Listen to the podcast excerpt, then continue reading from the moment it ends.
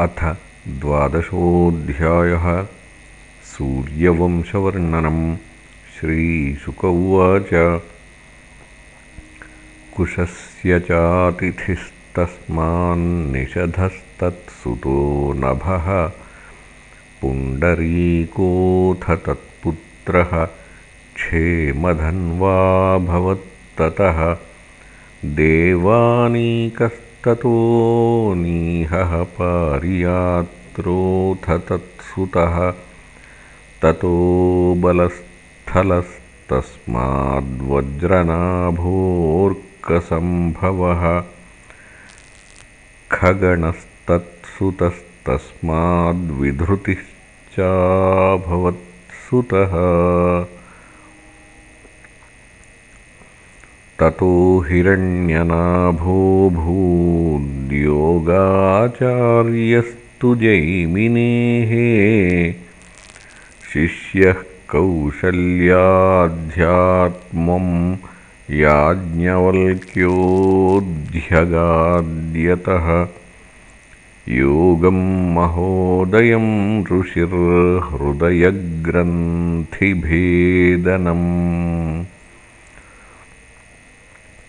पुष्यो हिरण्यनाभस्य ध्रुवसन्धिस्ततो भवतु।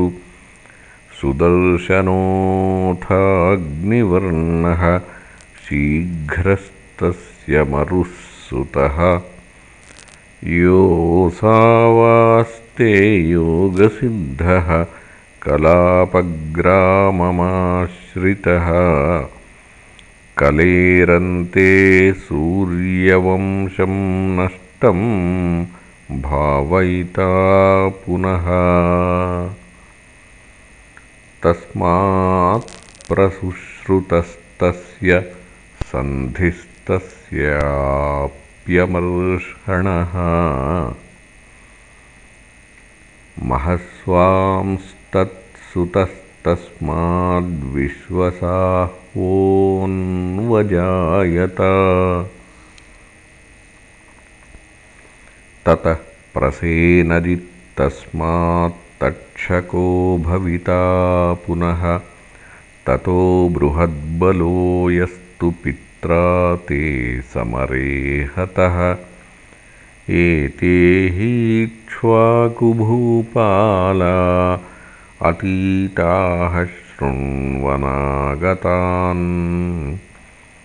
बृहद्बलस्य भविता पुत्रो नाम बृहद्रणः। उरुक्रियस्ततस्तस्य वत्सवृद्धो भविष्यति। प्रतिव्योमस्ततो भानुर्दिवाको वाहिनीपतिः सह देवस्ततो वीरो बृहदश्वोऽथ भानुमान् प्रतीकाश्वो भानुमतः सुप्रतीकोऽथ तत्सुतः भविता मरुदेवोऽथ सुनक्षत्रोऽथ पुष्करः तस्यान्तरिक्षस्तत्पुत्रः सुतपास्तदमित्रजित् बृहद्राजस्तु तस्यापि बर्हिस्तस्मात्कृतञ्जयः रणञ्जयस्तस्य सुतः सञ्जयो भविता ततः। तस्माच्छाक्योऽथ शुद्धोदो लाङ्गलस्तत्सुतः स्मृतः ततः प्रसेनजित्तस्मात् क्षुद्रको भविता ततः रणको भविता तस्मात् सुरथस्तनयस्ततः सुमित्रो नामनिष्ठान्त एते बार्हद्बलान्वयाः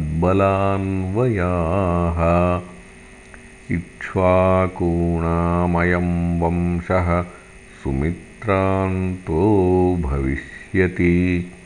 यतस्तं प्राप्य राजानां अवस्थां प्राप्स्यति वै कलौ।